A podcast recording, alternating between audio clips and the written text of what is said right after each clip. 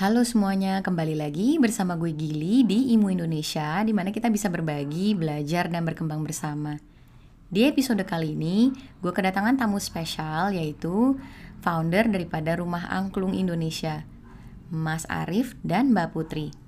Nah, di sini kita banyak ngobrolin asal muasalnya angklung dan juga visi dan misinya Rumah Angklung Indonesia ini. Nah, buat teman-teman yang penasaran, Yuk, langsung aja yuk. Selamat pagi Mas Arif, selamat pagi Mbak Arni. Halo, pagi Gili, selamat pagi. Kabar nih? Baik, Baik sehat, alhamdulillah. alhamdulillah. Wah, syukur. Sehat Mbak Gili gimana? Sehat juga, syukur. Sehat juga, ya. Ini makasih banget mm -hmm. untuk Mas Arif dan Mbak Erni udah mau jadi narsum di IMU pagi-pagi begini. Iya, ya, sama-sama. Sama-sama, senang juga. Ini uh, sekedar apa pengenalan buat teman-teman IMU di sini Mbak Arni sama Mas Arif tuh foundernya Rumah Angklung Indonesia ya. Iya, iya betul. Kebetulan hmm. sih begitu. Nah, sini pengen ngajak yeah. ngobrol dulu nih. Ini kira-kira uh, Mas sama Mbaknya udah dari usia berapa sih belajar musik angklung hmm. gitu? Hmm, Putri, apa gue dulu? Mungkin Mas Arifnya dulu. Dulu aja. Uh, belum lama sih mbak. Usianya sih sebenarnya udah kalau dalam apa ya ukuran usia tuh cukup dalam tanda kutip terlambat. Bukan dari oh. kecil ya main angklung. Main angklung tuh dari usia berapa ya? SMA kelas 3 lah gitu. Oh. pertama kali ya. SMA kelas 3 uh, main angklung. Ketemu awalnya kan uh, basicnya ngeband ngeband gitu Gili. Jadi ketemu sama dalam satu apa namanya kesempatan gitu ada ada pelatihan waktu itu di balai latihan kesenian gitu. Ya udah tertarik ya akhirnya suka suka gabung gitu. Akhirnya bergabung. Jadi tepatnya tahun 98.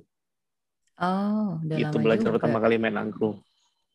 Itu maksudnya belajar apa uh, main musik angklungnya instrumennya itu dalam settingan band gitu kah?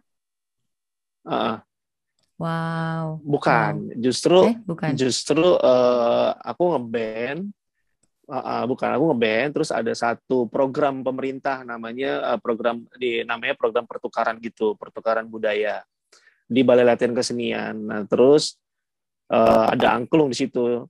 Nah, aku tertarik karena agak ini ya agak mana agak gimana ya maksudnya agak unik Jadi tertariknya gitu. karena angklung karena gitu. Tapi pas main band mm, ada ada pemilihan angklung gitu kan uh, untuk untuk untuk seleksi uh, uh, angklung gitu sih dan iya dan main bandnya jujur aja agak frustasi sebenarnya zaman itu ya 98 setelah reformasi itu agak frustasi main band maksudnya nggak nggak nggak nggak nggak nggak jalan-jalan nih bandnya nih sebenarnya. Jadi pelampiasan terus ada tawaran ikut ikut workshop angklung gitu. Ada pada tes pertukaran uh, budaya gitu. Akhirnya aku hmm. daftar. Iseng-iseng dengan bakat seadanya gitu. Nah dilalahnya ya akhirnya jadi menarik jadi suka. Jadi itu ada satu kelompok sekitar 40 orang yang yang diseleksi.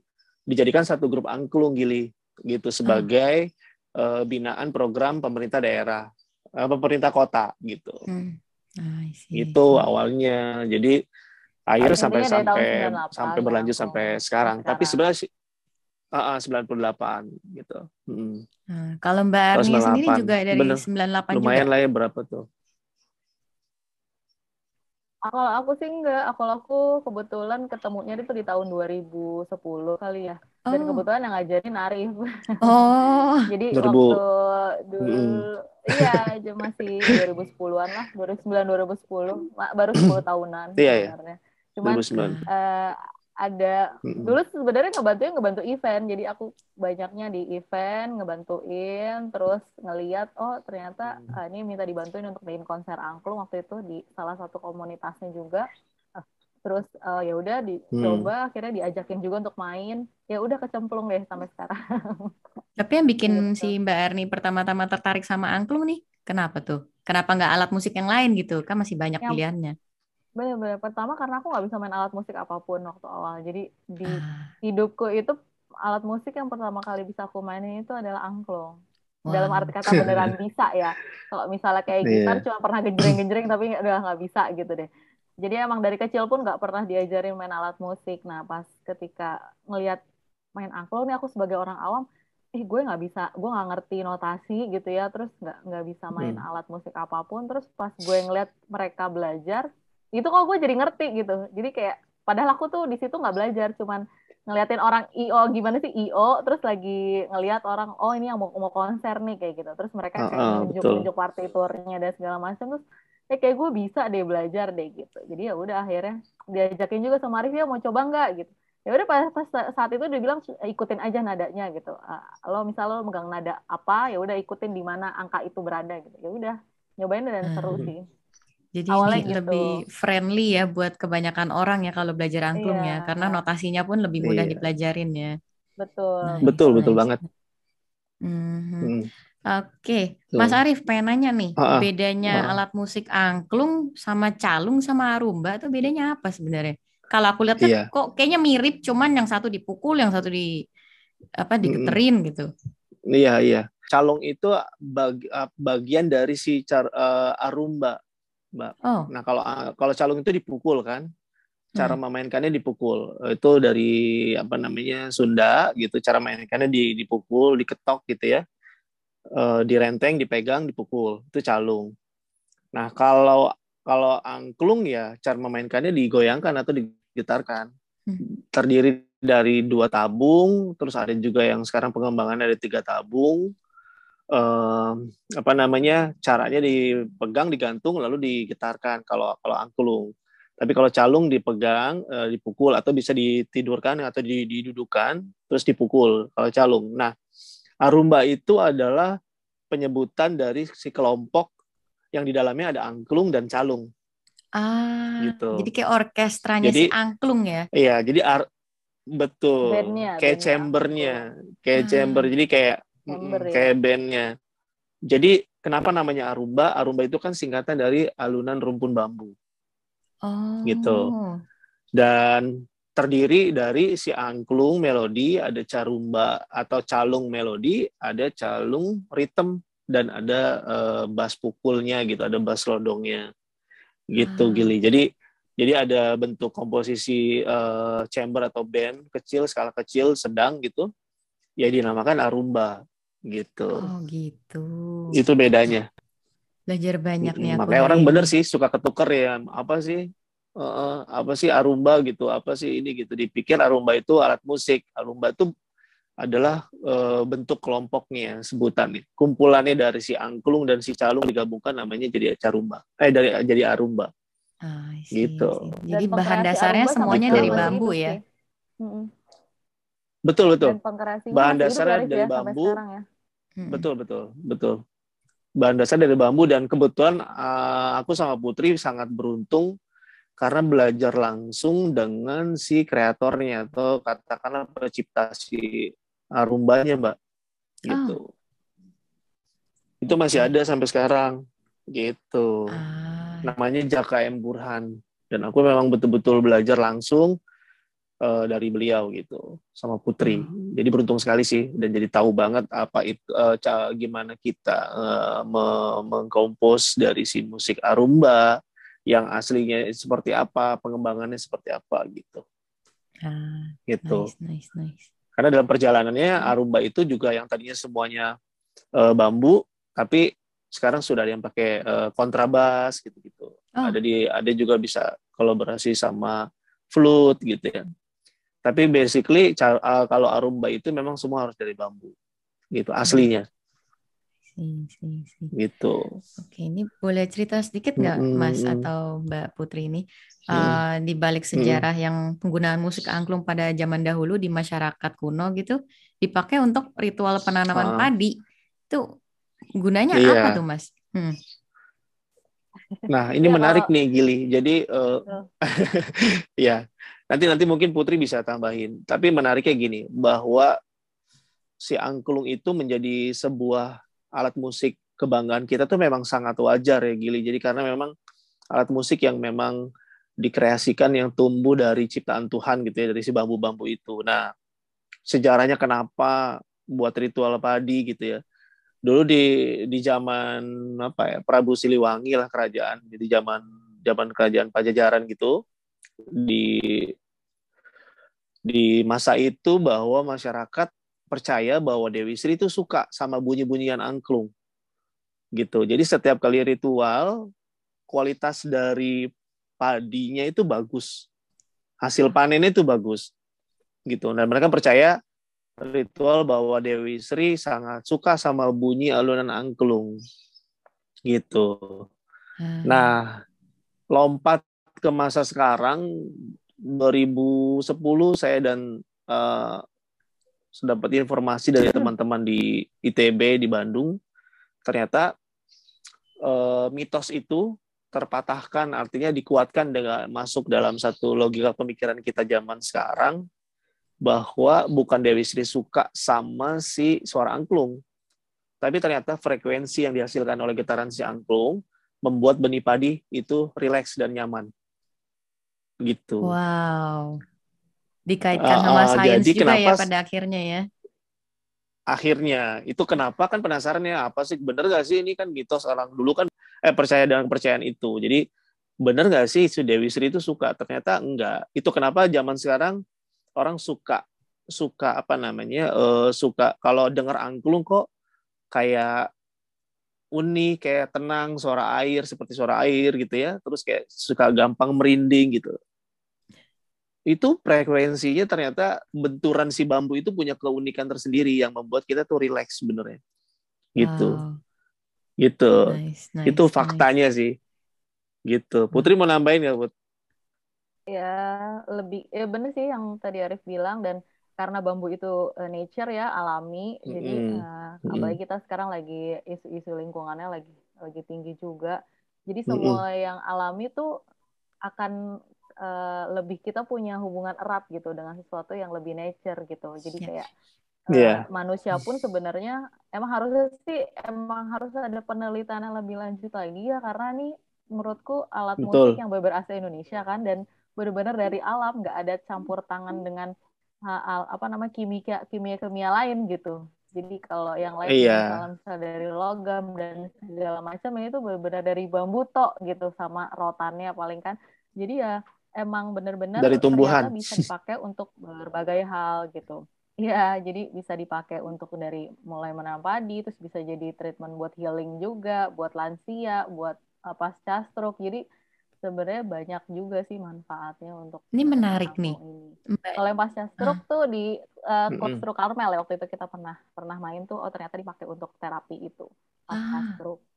Musik bagian dari musik terapi kah? Terapi musik maksudnya? Terapi musik mungkin lebih ke ini ya aku nggak tahu nih penyebutannya gimana tapi uh, si dokternya eh, kebetulan dokternya udah meninggal ya almarhum. Jadi si dokternya itu memakai si angklung ini untuk karena dia membaca partitur uh, dibaca uh, itu melatih otot mata. Terus uh, dia di uh, dia menggetarkan membaca notasi gitu ya. Mm -hmm. Uh, terus uh, lalu dia bernyanyi. Jadi di sela-sela itu dia disuruh nyanyi gitu lagunya. Mm -hmm. Itu menggerakkan otot mulut dan happy-nya itu yang didapat juga dengan berkumpul itu juga menurut dia yeah. adalah sesuatu yang sangat bisa membuat uh, pemulihan dengan signifikan dia bilang gitu. Iya, yeah, betul. Nice, nice, nice. Nih mm -hmm. ada sedikit apa bagian dari terapi musik juga sih. Iya betul. Uh -uh. Iya iya betul. Karena bahkan dulu boleh menambahkan nggak? Ya? Boleh hmm. boleh monggo. Uh, uh, bahkan waktu 2008 atau 2007 eh 2007 atau 2008 di ITB itu ada teman dari Jepang yang memang me menggunakan angklung sebagai uh, terapi untuk yang apa insomnia ya susah tidur oh. gitu. Iya, jadi okay. uh, eh, dengan pemilihan lagu seperti lagu klasik gitu ya, mereka uji dan dan memang itu uh, terbukti bahwa membuat rileks dan bisa bisa apa namanya bisa orang yang tidur susah tuh bisa juga membantu tuh bisa me, memiliki kualitas tidur yang baik gitu. Mm. Gitu. Nice, nice. Wah, menarik banget. Jadi pengen main nih ke rumah Angklung. Iya, iya, iya, iya. Ini sebagai foundernya Rumah Angklung Indonesia mm -hmm. nih, dari mm -hmm. kalian berdua ada visi dan misi nggak? Hmm. Nah, visi misi Putri itu. kalau visi, kalau kita tuh uh, ada tagline-nya uh, when culture becomes a pride. Jadi emang pengennya si budaya ini jadi satu kebanggaan. Hmm. Kebetulan karena kita adalah rumah angklung, di sini kita menggunakan angklung sebagai medianya, tapi tidak menutup kemungkinan untuk budaya-budaya lainnya sih. Jadi kita pengen uh, karena oh, mungkin adalah uh, kita alhamdulillah sering dapat kesempatan untuk misi budaya sebelum pandemi ya ke beberapa negara dan itu emang bikin kita kalau kita udah misi budaya keluar tuh bikin kita bangga banget sih sama budaya Indonesia. Kita tuh kayak punya super power di bagian budaya dan aku tuh pengen kita uh, di rumahku pengen teman-teman masyarakat Indonesia terutama generasi muda tuh benar-benar juga ngerasain apa yang kita rasain gitu. Kita pengen mereka juga bangga deh sama budayanya karena itu adalah sesuatu yang unik dan orang di sana tuh benar-benar hmm. pengen tahu, pengen belajar gitu. Nah, caranya macam-macam kan emang uh, kalau misalnya untuk ke generasi muda makanya kita selalu selalu berpatokan dengan itu menjadikan budaya hmm. sebagai sebuah kebanggaan jadi apa pun yang kita lakuin ini tuh selalu kayak ah, ini bisa bikin bangga ya bisa bikin bangga nggak sih buat mereka? Gitu. Jadi sampai kayak hmm. kita kalau di bandnya kan kita ada rumah akung tuh ada tim pertunjukannya juga. Jadi kita kolaborasinya sama band gitu. Jadi biar lebih kekinian dan nice. uh, bikin karyanya pun jadinya uh, tetap dengan apa pengetahuan angklungnya. Bukan sekadar angklungnya cuma nempel-nempel hmm. aja gitu. Tapi emang ya ngeband tapi uh, instrumen utamanya tuh si angklungnya gitu. Jadi kita pengen pun uh, kalau ada mengcover atau misalnya kita bikin uh, karya ya itu kita harap sih bisa membuat satu kebanggaan juga buat generasi muda dan akhirnya mereka tertarik intinya sih hmm. itu sih kalau dia yeah, bilang visi misinya. Jadi apa pun yang kita lakuin biasanya akan berkiblatnya berpatokannya ke sana. Gitu. Hmm. Nice, nice. Karena itu bentuk dari bentuk dari apa namanya uh, aksi nyata kita ya Put ya. Kita pengen ketika angklung disahkan UNESCO 2010 di Nairobi Kenya oleh PBB itu kita berpikir harus ada aksi nyata karena kalau tidak lisensi angklung isi Indonesia bisa dicabut gili. Oh. Gitu. Jadi maksudnya dulu sempat heboh angklung diakui oleh Malaysia gitu kan sebelum ya sebelum disahkan UNESCO sebenarnya kalau kita di teman-teman tuh berpikir bahwa ya pada saat itu ya di di 2010 ke belakang gitu mungkin orang masih masih masih berpikir ya angklung itu hanya ada di sekolah gitu ya hmm. tapi pada kenyataannya memang masih kurang banyak gitu untuk untuk orang yang bisa menggeluti atau mengembangkan si angklung tapi bersyukur alhamdulillahnya eh, Indonesia punya sejarah yang betul kuat dan valid sekali bahwa angklung itu dari sini dari Indonesia gitu. Hmm. Itu sih.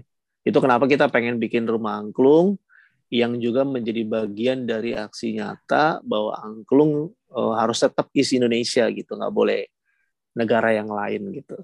Iya. Nggak boleh lari dari sini lebih ke ini kan ya. Iya. lebih ke kalau angklung untuk edukasi ya kita tetap lakukan itu untuk edukasi. Untuk pertunjukan betul. kita harus bisa beradaptasi dengan industri musik. Adaptasi. Yang Jadi nggak yang betul. angklung yang harusnya kayak gini, yang harus di sekolah, yang emang bener-bener harus cuma angklung aja atau apa. Uh, kita mm -hmm. butuh pemeliharaan, pelestarian, tapi kita juga butuh pengembangan. Jadi ya pengembangan. harus balance sih, dua-duanya harus balance. Betul. Dan yang, yang coba dilakukan oleh rumah angklung gitu. Hmm. Iya. Nice, good to know. Betul. Kira-kira kalau menurut uh, kalian nih ah. minat anak muda sekarang nih kan maksudnya dengan adanya kultur pop yang asing yang mainstream banget kan di hari gini. Iya iya iya. Uh, tadi memang si Mbak Putri juga sempat mention apa mengcover lagu ya. Mm-mm, betul. Mm, mengcover lagu uh, yang ada yang kekinian dengan alat musik itu gitu. Gimana nih minatnya mereka ada nggak untuk menoleh gitu ke alat musik angklung ini?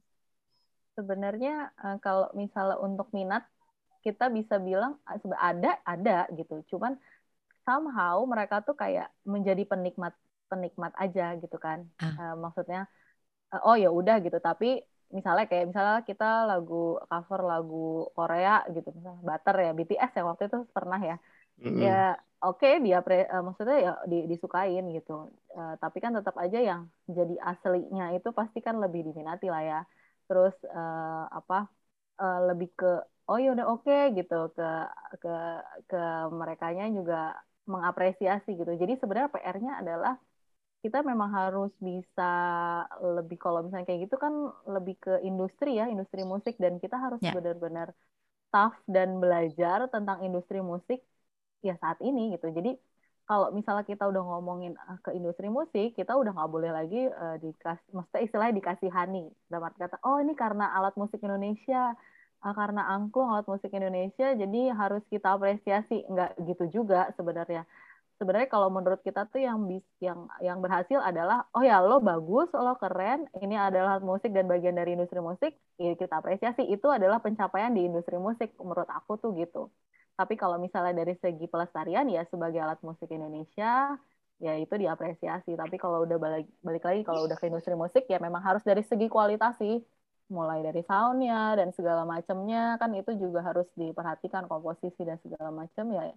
Itu yang harus jadi PR penting kita sih supaya itu bisa diterima di kuping masyarakat. Karena kan yang yang agak susah adalah ini adalah sesuatu yang unik yang mungkin mereka belum terbiasa mendengarkan gitu. Dibanding kalau misalnya mereka dengar EDM mereka dengar uh, band yang full band gitu nah itu PR kita gimana caranya itu bisa terbiasa di kuping mereka gitu kalau hmm. segi apresiasi sih alhamdulillah sebenarnya uh, lumayan lah lumayan walaupun tidak sebesar tidak se hype kalau kita pakai alat musik pada umumnya gitu. Ya.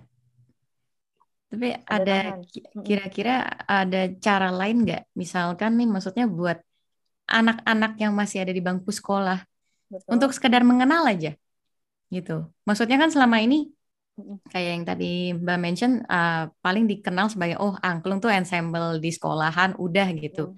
Kira-kira gimana nih peningkatan dari segi kurikulumnya, supaya anak-anak yang di bangku sekolah ini juga bisa apresiasi gitu. Sebenarnya kalau dari ke sekolah itu sebenarnya udah ada SK Menteri waktu tahun 1980-an deh kalau nggak salah. Itu memang angklung dipakai untuk alat 73. Oh, 73.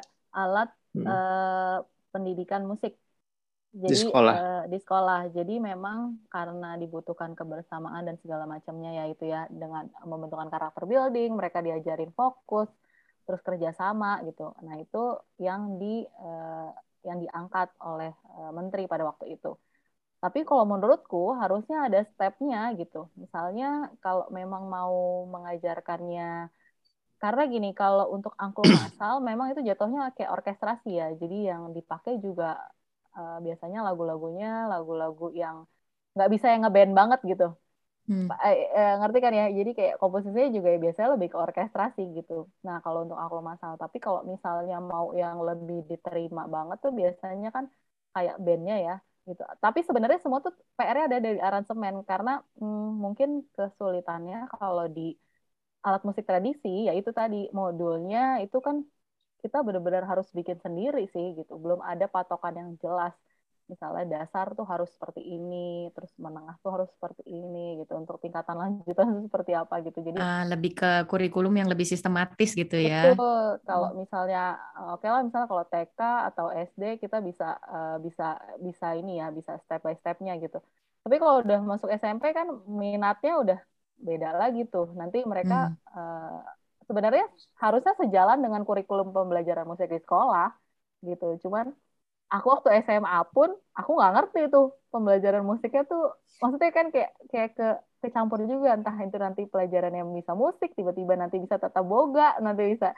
Jadi tuh emang kayak nggak ada step by stepnya yang pasti sih kok untuk di untuk dilakukan di di sekolah. Kalau menurutku sih gitu. Jadi kalau mau mau uh, gimana caranya yang pertama adalah emang harus ada di sekolah dan uh, levelingnya harus benar-benar uh, apa teratur gitu hmm. benar harus hmm. ada iya sih gitu iya barangkali gini gili jadi uh, kalau kita ngomongin uh, gimana caranya atau uh, supaya anak-anak muda nih generasi-generasi kita uh, muda di Indonesia nih kenal angklung karena betul angklung tuh sekarang bukan lagi is semenjak 2010 ya angklung tuh bukan lagi is Jawa Barat tapi isi hmm. Indonesia. Hmm. Jadi maksudnya semua daerah di Indonesia itu bisa memainkan angklung gitu. Artinya udah bisa memiliki bahwa angklung udah bisa membawakan lagu Melayu, lagu dari Sumatera atau dari Kalimantan, dari mana-mana gitu yang kita udah pernah tahu lah. Yang kita tahu semua gitu sekarang. Tapi barangkali gini, uh, maksudnya selain kurikulum, bahwa perlu adanya di Indonesia ini uh, kerjasama, kolaborasi atau kesempatan media apresiasi dari si kelompok-kelompok angklung itu sendiri.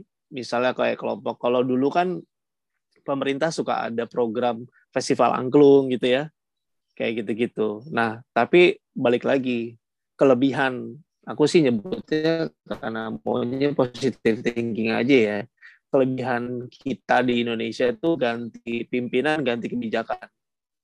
Jadi jadi kadang-kadang festival yang segitu bagusnya untuk menjadi media apa namanya apresiasi dari hasil latihan mereka di sekolah kah atau di masyarakat itu nggak ada gitu. Itu jarang. Hmm. nah makanya sebenarnya rumah angklung berusaha banget untuk bikin itu lagi gitu. Untuk bikin itu lagi baik itu festival atau pelatihan. Karena kita maunya jemput bola nih, nggak nunggu juga, oh nantilah nunggu program gitu, oh nanti gimana. Karena bagaimanapun kita harus merangkul dari sisi uh, edukasinya gitu ya. Tapi dari sisi perkembangan sosial uh, sosmed sekarang gitu ya, yang semuanya juga di yang semuanya akhirnya diukur dari viewers, yeah. dari iya. like-nya, dari subscribernya ya kan. Itu tadi yang kaitan Putri cerita tentang cover dan lain-lain. Memang harus bisa terus beradaptasi dan mengkompos si musik angklung itu menjadi semenarik mungkin gitu. Makanya sebenarnya kalau nanti Gili bisa mampir main ke channelnya Rumah Angklung ya, Pasti. ya ke YouTube-nya Rumah Angklung uh, uh, dan jangan lupa like subscribe. Pasti. Eh, eh, maksudnya gini di situ ada materi-materi yang yang beragam. Gili pasti akan lihat oh ternyata dari materi satu ke materi lain gitu ya uh, covernya ataupun lagu lagu kitanya gitu atau video-video kita di situ tuh beragam. Jadi nggak nggak nggak cuma satu jenis aja yang kayak misalnya lagunya A A aja. Makanya kita uh, pernah cover lagunya Nirvana gitu ya. Orang bisa emang distorsi gitar sama angklung. Nah kita bikin sebaik mungkin mengkompos supaya orang nggak keganggu antara distorsi gitar sama si bambunya masih angklungnya. Makanya banyak yang muji gitu oh ternyata bisa gini keren ya gitu. Akhirnya mulai orang akhirnya interest dan akhirnya uh, apa namanya kepo nih gitu tentang uh, dan ikut bangga dan kayak gue bangga banget nih gitu. Itu satu contoh. Yang kedua adalah cara kita pernah aku dan Putri dan teman-teman rumah angklung mengcover anthemnya satu klub bola di Italia Serie A. Itu asli AC Milan. Nah hmm. kita cover anthemnya sedemikian rupa akhirnya kita berpikir bahwa kita pengen nih sesuatu yang unik agar orang eh, apa namanya memperhatikan gitu loh keunikan si alat musik angklung ini. Dan dan tanpa kita duga akhirnya komunitas dari si fans AC Milan di Indonesia yang followersnya juga banyak akhirnya jadi ikut tertarik dan menyebarkan kebanggaan si angklung ini, Gili. Nah, Jadi nice. artinya nggak melulu kalau ngomongin penyebaran angklung atau ngomongin pengembangan angklung atau promosi angklung, kita cuman bergelut uh, bergaul sama komunitas yang berkaitan sama musik, sama angklung, sama budaya. Dan rumah angklung kemarin sampai detik ini masih juga apa melakukan hal-hal yang uh, keren gitu sama si fans bola ini Milanis di Indonesia dan akhirnya singkatnya pas kita bikin cover itu lumayan dan akhirnya klub bolanya pun ter, apa merepost dari postingan kita dan itu yang nice. bikin kita juga uh, bangga ya sampai akhirnya 2019 kemarin Rumah Angklung berkesempatan diundang untuk main ke ofisialnya AC Milan di Italia. Wow. Gitu. Wow. Nah, itu bagian tadi yang yang yang, yang aksi nyata kita bahwa kalau kita mau bikin orang suka sama alat ini, kita harus bikin juga diri kita eh, apa ya melakukan sesuatu yang kira-kira kita di posisi orang lain gitu. Jadi nggak nggak melulu ngomong ngomongin idealis budaya ya, ya idealis gitu. Uh, jadi nggak nggak nggak melulu kotak terbatas, tapi kita harus keluar dari kotak itu bahkan kalau perlu nggak usah ada kotak deh, biar kita jauh bisa lebih uh, luas gitu. Makanya banyak yang kaget juga, loh angklung ternyata uh, bisa mainin anthem bola ya gitu. Nah nanti Gili boleh lihat tuh di di channelnya Rumah Angklung pasti, gitu. Nice. Itu salah satu contoh kali ya. Salah hmm. satu contoh dari usaha kita sampai sekarang bahkan terus menerus akan kita galakan bahwa untuk sayang sama alat musik ini, ya kita harus betul-betul jemput bola datang gitu ke mereka gitu hmm. dengan program-program yang nyata ya gitu. Hmm. Kata kuncinya satu ya, kolab uh, sama Iya, betul zaman sekarang gitu. Benar hmm. banget. Kalau enggak kita kerdil kan? Ya, gitu. Betul. Kalau enggak kita nggak bisa jadi nggak bisa jadi besar juga dengan sendiri gitu. Betul. Itu sih. Ya, ya. Betul. Barangkali itu. Hmm, nice, nice. Nih, uh, menurut kalian nih hmm. sebenarnya esensi dari pembelajaran musik tuh apa sih? Kan soalnya kan hmm. stigma-stigma di masyarakat kita ini kan masih yeah. banyak yang bilang kalau mau jadi musisi mau makan apa gitu. Hmm, yeah. nah, gitu. Kira-kira gimana nih Mas sama Mbaknya nih? Oke, okay. nanti mungkin Putri bisa tambahin. Kalau aku sih sebenarnya udah jelas ya. Esensi bermusik itu mempengaruhi dari uh, keterampilan sosial kita. Ya, terutama para ini ya, para ibu-ibu muda gitu, anak-anak anak-anak di TK di PAUD-nya barangkali kalau ada kegiatan yang berkaitan dengan musik atau dengan atau musik angklung ya, itu sangat membantu untuk keterampilan sosial mereka gitu. Agar kenapa? Jadi kalau kayak di angklung misalnya, mereka berlatih, belajar untuk bagaimana ber apa namanya bekerja sama sama temennya untuk saling bahu membahu agar nada-nada yang dipisah ini bisa jadi satu lagu yang bagus. Itu satu. Kedua, mereka belajar untuk jujur. Kalau mereka salah, angklungnya kelewat, nadanya nggak bunyi, mereka bilang e, Pak atau Kak aku nggak bunyi nih. Mereka dilatih jujur itu. Padahal pelatih juga mungkin ada yang tahu dan ada yang nggak tahu nada itu nggak hmm. kelewat gitu ya misalnya. Tapi temennya itu selalu mengingatkan sebelahnya gitu. Eh kamu nadanya nggak bunyi. Jadi ada bentuk interaksi sosial di situ. Nice. Yang ke yang berikutnya adalah bahwa dari dari proses itu bermusik penting loh melatih rasa percaya diri gitu. Hmm. Karena karena kita mau apa artinya percaya diri bagian dari langkah kita untuk bisa mengembangkan diri kita gitu. Makanya si anak kalau ada yang bilang eh ngapain eh, pentingan mungkin fisika, hmm. mungkin yang lain-lain gitu. Contohnya ya atau lebih penting ekonomi bla bla. Ya sama penting, tapi bayangkan ketika uh, science atau uh, ekonomi atau apa pun lah whatever itu dengan atau teknik apa gitu tanpa ada musik sentuhan musik itu tidak ada satu keindahan di situ. Nggak ada satu rasanya di situ. Esensinya mungkin itu kalau dari aku gitu sih jadi sebenarnya kalau dibilang mau makan apa, industri sekarang jauh lebih terbuka dengan dengan hmm. musik. Ya, ya artinya kita ngomong aku sama Putri, Putri sendiri juga sama aku bergelut di angklung ya akhirnya sampai sekarang masih sehat walafiat gitu. Meskipun dampaknya lumayan ya di pandemi ini gitu. Ya. gitu paling Putri. Mungkin Mbak Putri mau nambahin? Uh, kalau secara kehidupan kita sebagai orang orang yang sudah dewasa sih sebenarnya musik itu kan part of life ya. Jadi yeah. kayak misalnya TV sih aja butuh ada musiknya. Kayak uh, pembelajaran di sekolah sekarang video-video sekarang video pembelajaran suka ada musiknya. Jadi kalau mungkin adalah hal-hal penunjang, tapi kalau misalnya nggak ada orang yang serius melakukan itu kan pasti juga akan jadi sesuatu yang kurang ya.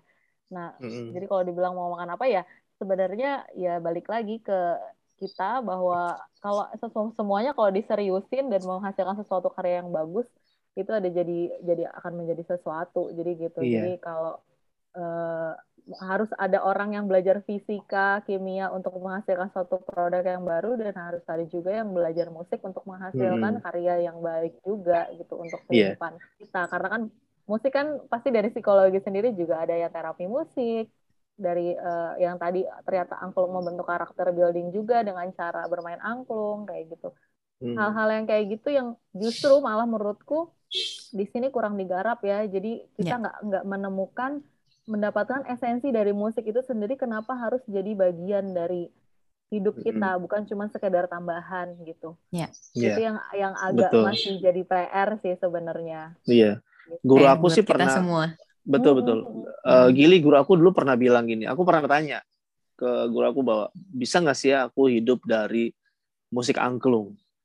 Dia bilang jawaban yang pertama adalah diplomatisnya adalah selama negara ini masih namanya Republik Indonesia, kamu jangan takut trip gitu. Karena ini alat musik asli Indonesia yang sebenarnya dalam sejarahnya nanti akan terus berulang dalam pengembangan dan pelestariannya. Yang kedua adalah masalahnya, tapi tantangannya adalah di industrinya. Karena kita akui di Indonesia ini industri musik gitu ya, dalam tanda kutip belum sematang di Korea, belum sematang di US gitu dan di negara-negara lain. Jadi sebenarnya kalau aku dari sisi positifnya gitu, karena aku gini, aku selalu bilang nggak mau menyebarkan uh, stigma negatif terhadap pendapat orang atau uh, statement. Jadi mungkin barangkali kalau ada yang bilang mau makan apa dari musik, nggak yang yang salah bukan yang ngomong itu atau statementnya, tapi yang benar yang salah adalah bahwa PR kita bersama gimana sebenarnya eh, industri musik di Indonesia bisa jauh lebih berkembang dan pada pada akhirnya meyakinkan orang untuk bisa hidup dan berkembang di situ gitu. Yang tadi Putri bilang karena memang uh, uh, memang belum belum bisa semandiri di negara lain. Karena urusan perutnya harus dipenuhi dulu, baru urusan soulnya. Ini ya. sih memang agak sedikit ini agak sedikit apa ya pedih gitu tapi memang kenyataannya gitu apa namanya Gili jadi hmm. kalau ada pelatihku bilang gini coba lihat orang kursus musik gitu, di Indonesia orang yang kursus musik itu rata-rata dia yang memang perutnya sudah terpenuhi baru di orang orang tuanya dikursuskan musik terpaksa terpaksanya ada program latihan musik di sekolah itu karena bagian dari paksaan dalam tanda kutip di sekolah kan. Ya. Ya itu juga bagus gitu. Tapi maksudnya artinya uh, orang kalau mau ngomongin musik selalu dia akan di posisi yang paling belakang dulu. Kalau di Indonesia kalau menurut aku sih sampai detik ini ya. Hmm. tapi ada ada harapan yang positif ada perkembangan yang positif sekarang ada ada banget gitu. Dengan dunia apa namanya digital sekarang dengan dengan pasar yang akhirnya berkiblat pada sosial media misalnya kayak gitu itu sebenarnya bisa jadi satu apa namanya bisa jadi satu alternatif untuk mungkin ya industri industri industri musik di Indonesia bisa jauh lebih berkembang. Makanya sebenarnya kalau aku sih berpendapat bahwa uniknya perjuangan dari kayak kayak imu kayak gini ya atau atau uh, apa namanya uh, akun-akun yang memang menyebarkan kebaikan memang harus berjuang dibanding dengan akun-akun yang yang yang ya komersil atau akun-akun yang yang dalam tanda kutip malah nggak bagus sebenarnya. Tapi orang jadi suka sama yang jelek-jelek gitu. Ya tapi itu tantangan ya. Gitu. Iya bayangin aja. Imu men-share bahwa manfaat musik untuk intelijensi apa bla atau apa atau apa. Atau rumah aku lu men-share tentang pride-nya lu sebagai anak Indonesia itu kalah cuman sama sesuatu yang yang bisa video marah-marah, video menghujat atau video apa itu kita terima sekarang itu gitu jadi kayak kayak kalau ngomongin itu ya ya udah kita berjuang terus gitu jadi nggak bisa juga marah-marah menyalahkan bahwa oh ini kok hmm. jadi yang receh jadi viral gitu ya. kayak gitu hmm.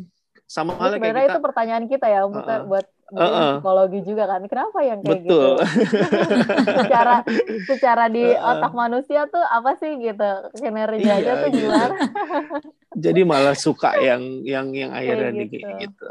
Uh -uh. hmm. itu sih paling gili jadi menarik sih sebenarnya kalau ngomongin ini ya Iya, ini aku benar-benar belajar banyak banget nih dari kalian berdua nih. Sama-sama. nih, kira-kira uh. kalian punya ujangan nggak nih buat teman-teman imu di sini supaya misalnya kalau mereka mau mm. uh, mungkin mau mungkin mereka kalau profesinya guru pingin ningkatin rasa kecintaan anak-anak mm. didiknya mereka mm. terhadap musik tradisional. Terus gimana sih supaya bisa turut melestarikan nama mengembangkan musik tradisional ini gimana? Iya, Pot. Ya, kalau aku sih, kalau dari aku, uh, jadi gini, di rumah angklung kita lagi buka kelas virtual. Jadi uh, rencananya sih kita pengen bikin batch yang khusus untuk guru-guru.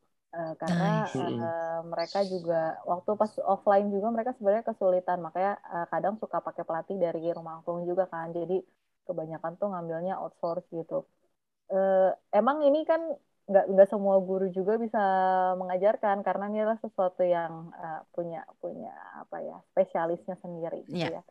Jadi kalau menurutku untuk uh, teman-teman guru-guru jangan jangan inilah jangan patah semangat untuk emang mencari sesuatu mencari yang tahu. harus, dita, harus ditanamkan ke murid-muridnya gitu. Kalau misalnya memang harus dengan angklung atau dengan musik yang lain, coba cari tahu dengan uh, source yang tepat yang pertama. Yang kedua yeah. uh, cari tahu juga gimana apa sih yang lagi di, diminati sama anak-anak sekarang. Jadi kita bisa berkolaborasi karena mereka yang bersentuhan langsung kan dengan anak anak-anak sekarang. Jadi kita yang di luar sekolah tuh bisa berkolaborasi dengan guru-guru dan uh, kita kemas lagi supaya mereka emang benar-benar mau dan berminat gitu. Jadi uh, jangan dijadikan ya udah deh ini dari misalnya dari guru musik ya udah guru musiknya aja gitu. Hmm, kalau bisa sih kita berkolaborasi gitu. Apa yang dibutuhkan anak-anak kita yang sebagai yang punya ilmunya kita bisa sharing ke mereka dan mereka pun bisa sharing juga tentang uh, attitude anak-anaknya dan keminatan anak-anaknya sejauh apa. Paling itu hmm. sih dan yang terakhir ya itu tadi aku bilang kita lagi uh, kita mau buka uh, kelasnya itu dan semoga sih nanti bisa di disebarkan juga ya. Jadi Uh, karena pertanyaannya beberapa sekolah dan beberapa guru juga nanya gimana sih aku mau ngajarin angklung di uh, di sekolah tapi lagi virtual gini kayaknya susah gitu. Nah itu ya mungkin jawabannya nanti kita bisa ketemu di kelas virtual gitu. Hmm. Oke okay, oke. Okay. Kalau ada teman. Wejangan sih mungkin ya basic lah ya Gili wejangan tuh bahwa sebenarnya kalau kalau kita nggak melakukan sesuatu untuk si alat musik ini gitu ya, untuk alat musik asli Indonesia ini ya, ya kita harus siap hilang gitu. Apa hmm. namanya kehilangan lisensi angklung isi Indonesia. Terus ujangannya adalah aku mungkin lebih ke yang ya bisa jadi ujangan atau ajakan juga bahwa gunakan kecepatan jarinya untuk dermawan, melike karya-karya yang memang berhubungan dengan uh, budaya Indonesia, manfaat musik dengan lain-lain lainnya. Jadi gunakan jarinya untuk bisa support. Like bahkan kalau perlu, kalau aku pikir satu hal yang paling unik keadaan sekarang ini adalah soal bagaimana uh, mensupport sesama untuk bisa paling tidak menaruh di story-nya untuk bisa dipromokan karya-karya atau aksi-aksi dari uh, teman-teman atau kita semua. Nah, kalau untuk si angklung sendiri kita pengen teman-teman di luar sana atau teman-teman IMU juga yang ikut support untuk like atau share dari setiap karya-karya kita gitu. Karena itu menjadi bagian dari promo dan suara kita berteriak tentang uh, untuk when culture becomes pride tadi gitu. Dan kita hmm. akan kita sih juga akan terus lebih semangat bahwa percaya orang-orang Indonesia ini punya hati yang mulia, cinta sama karya musik dan alat musik Indonesia gitu, khususnya angklung, kita percaya, tapi mungkin butuh nyata aksi, nyata kecepatan jarinya untuk bisa jangan sungkan atau jangan harus bisa lebih dermawan lagi gitu, Gili.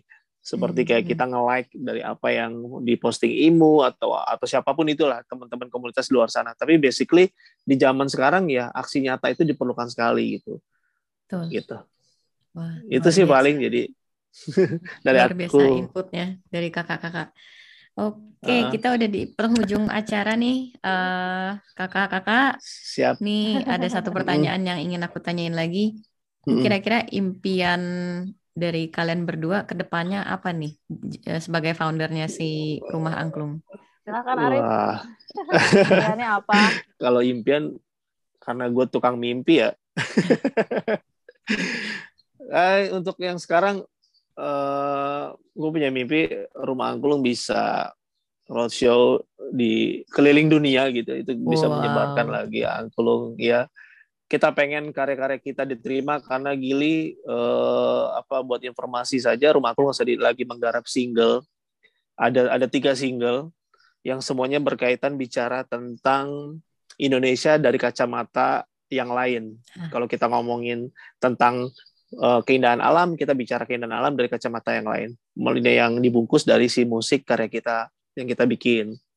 Nah, jadi mimpi kita kita mau uh, karya-karya kita diterima sih dalam waktu dekat ini single-single dari si Rumah Angklung. Terus kita pengen uh, apa musik band kita ini diterima juga dan bisa punya kesempatan semoga keadaan membaik bisa keliling Indonesia dan keliling dunia. Itu sih. Kenapa bukan untuk apa-apa untuk bisa memberikan satu impact ke teman-teman di luar sana bahwa ini adalah sesuatu hal yang membanggakan dari apa yang kita kembangkan gitu. Itu sih. Kalau Putri hmm. apa Put? ya kurang lebih sama, cuman mungkin tambahannya aku tuh pengen banget ya angklung bisa jadi alat musik yang emang hmm. setara sama alat musik lain gitu karena karena bedanya sama uh, bukannya mau melebihkan si alat musik satu ini tapi kan memang pas diciptakan udah dikembangkan uh, itu adalah angklung pakai nadanya tuh nada diatonis ya. Jadi yeah. sebenarnya ya memang harusnya setara sama alat-alat musik lainnya alat-alat musik yang sudah diatonis juga. Dan mungkin itu yang harus bisa disadari oleh masyarakat luas juga. Dan uh, pemusik-pemusik pun mungkin bisa juga untuk bisa mendalami si alat musik ini karena kita butuh butuh juga untuk pengembangannya dari berbagai pihak kan yang tadi udah disebutin. Jadi itu mm -hmm. dan bisa memang benar-benar jadi alat musik pendidikan yang sebenar-benarnya yeah. gitu karena memang waktu Pak Daeng Sutikna yang merubah angklung dari angklung pentatonis menjadi diatonis yang diharapkan lah diharapkan adalah itu mereka Eh, anak-anak siswa-siswi itu bisa belajar alat musik Indonesia eh, menggunakan angklung dan menjadi alat nomor satu juga sebenarnya kayak gitu. Iya. Nice. Oke okay deh. Mas Arif sama Mbak Putri, thank you banget buat sharingannya, Sama-sama. buat ilmunya Sama-sama, Gili. Untuk berguna banget. Uh, uh, berguna banget pasti buat teman-teman ilmu di sini. Nih kalau teman-teman di sini nanya, Gil, kalau aku pengen uh, ngobrol mungkin sama nih hmm. foundernya uh, Rumah hmm. Angklung atau mungkin mau nanya-nanya sekitar uh, seputar uh, info angklung gitu, bisa hubungin hmm. kalian ke mana nih? Boleh DM dulu aja ke Instagramnya Rumah Angklung, nanti hmm. dari admin akan diarahkan sih. Uh, gitu. At Rumah Angklung Betul. gitu ya? at rumah angklung ya Instagramnya okay. at rumah iya. angklung Instagramnya at rumah angklung Insya Allah dibalas kok pasti oke okay. ada gitu. apa mungkin channel YouTube uh, yang bisa dilihat karya-karyanya uh. Ya YouTube-nya di yeah. rumah angklung semuanya pokoknya uh, Facebook Instagram dan YouTube-nya bisa di search di rumah angklung nanti bisa dilihat karya-karyanya di situ dan kalau ada uh, ada sesuatu yang mau ditanyakan silahkan langsung uh, DM aja di Instagram Iya. di yeah. rumah angklung. Gitu. Oke, okay, kalau begitu. Oke, okay, Mas Arief sama Mbak Putri sekali lagi thank you. Thank you. Tetap sukses, sama-sama. tetap sehat. Thank you. Gili, uh, sukses juga sama. imunya ya. Amin, amin. Sup, apa moga-moga uh, cita-citanya dan impiannya tercapai soon ya. Amin, amin, amin, amin, amin. Terima kasih untuk teman-teman Imu Indonesia yang telah menonton podcast kali ini. Jangan lupa klik like dan subscribe. Apabila merasakan manfaatnya, silahkan di-share. Dan apabila teman-teman ingin mengikuti perkembangan IMU Indonesia, silahkan follow kita di Instagram at IMU underscore Indonesia. Juga bisa di Facebook page kita, Intelligence and Music. Sampai jumpa kembali di episode berikutnya.